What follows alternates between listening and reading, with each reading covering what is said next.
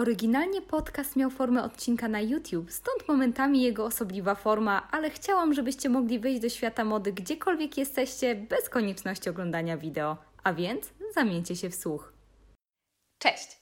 Koniec XIX wieku przyniósł zmiany, jeśli chodzi o postrzeganie kobiet. Nowa kobieta miała być silna, nieco bardziej atletyczna, łącząca w sobie cechy delikatnej damy i zmysłowej kusicielki. W tamtym czasie powstała fikcyjna postać kobiety, która łączyłaby w sobie te wszystkie cechy, która by utworzyła ideał nowej kobiety. Rysunki tej nowej kobiety pojawiały się w niemal wszystkich liczących się czasopismach w Kanadzie i USA od końca XIX wieku aż do y, początku wieku XX. O czym mówimy? Mówimy o tak zwanych Gibson Girls, które były stworzone przez znanego rysownika Charlesa Gibsona. Ale co z Gibson Girls mają wspólnego wodospady i łabędzie? O tym już za chwilę.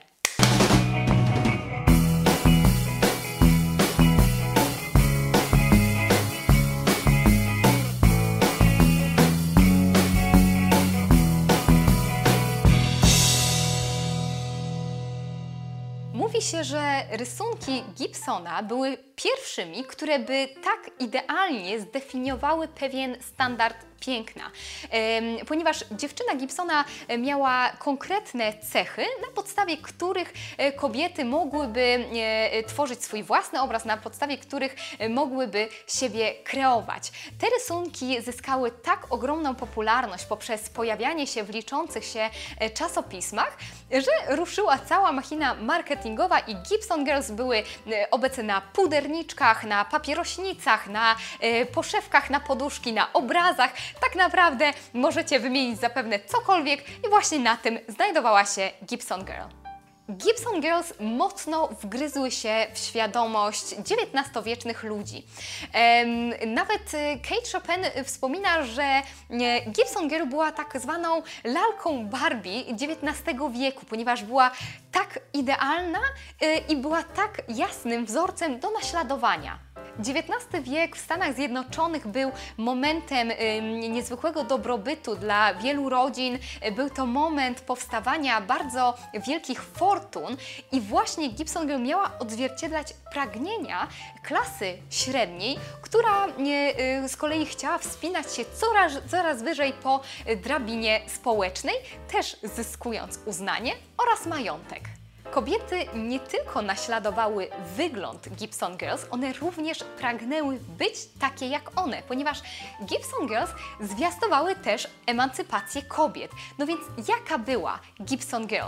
Po pierwsze była wyniosła, była zabawna, czasami złośliwa, kompetentna, ale zawsze, zawsze bardzo elegancka i dobrze wychowana.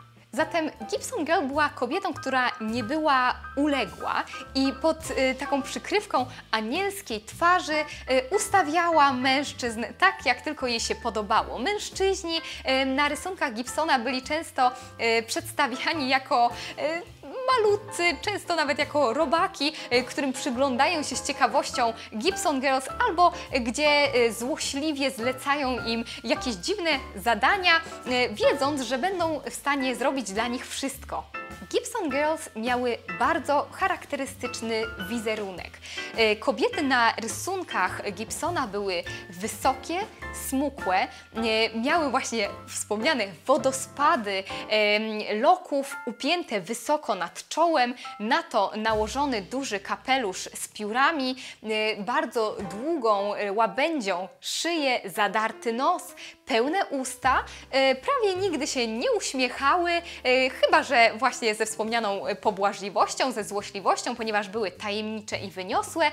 Jeśli chodzi o ubiór, były to często wykrochmalone białe koszule, spódnice z lejących się materiałów lub też wieczorowe suknie, ale też nawiązujące idealnie do mody tamtego okresu, na pewno nie przesadzone.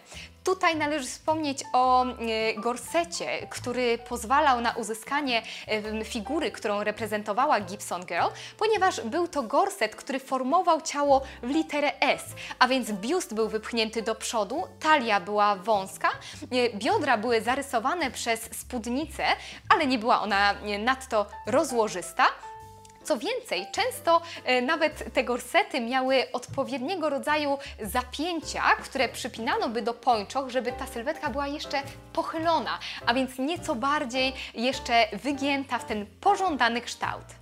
Tak więc Gibson Girl y, miała być stylowa, ale ten cały wygląd powstawał bez większego wysiłku. Fryzura była w lekkim nieładzie, e, one były często przedstawiane jako kobiety znudzone e, codziennością, e, raczej szukające w życiu czegoś więcej niż to, czego oczekiwała od nich rodzina bądź też adoratorzy. Jeśli chodzi o modelki, na podstawie których wzorował się Gibson, często wymienia się trzy kobiety. Po pierwsze była to Camille Clifford. E, była to aktorka, e, którą często łączy się właśnie z wizerunkiem Gibson Girl. E, była słynna ze swojej figury i pięknych loków oraz były jeszcze dwie inne kobiety, na których prawdopodobnie wzorował się Gibson, a mianowicie Florence Evelyn Nesbit albo Irene Longhorn. Ta ostatnia była jego żoną. Co ciekawe, córka Roosevelta często jest łączona ze stylem Gibson Girls, ponieważ często wzorowała się na tym modelu lansowanym w prasie i możemy zobaczyć wiele zdjęć, które są idealnym przykładem tego, jak Gibson Girl właśnie wyglądała w rzeczywistości. Gibson Girls prezentowały idealny balans pomiędzy przeszłością, teraźniejszością, a nadchodzącą nową, wyzwoloną przyszłością. Jej wizerunek nie był na tyle szokujący, żeby mm, był spychany na margines, a na dobre zakorzenił się w kulturze, szczególnie właśnie w Stanach Zjednoczonych i w Kanadzie. Według mnie Gibson Girls stanowią pewnego rodzaju uniwersalny obraz, przepiękną definicję epoki, która jest nawet dla nas, teraz dla ludzi żyjących w XXI wieku, czymś, na co możemy patrzeć z pewnego rodzaju zachwytem, chociażby ze względów czysto estetycznych.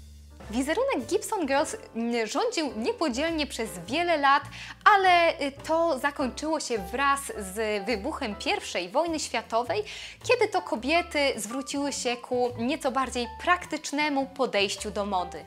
Jestem ciekawa, czy miałyście okazję natrafić na wizerunek Gibson Girls, a jeśli tak, jak patrzycie na ówczesny ideał piękna z perspektywy współczesnej kobiety? Jeśli macie ochotę na więcej fascynujących historii z przeszłości, subskrybujcie nasz kanał i oglądajcie kolejne odcinki Flickery. Do zobaczenia!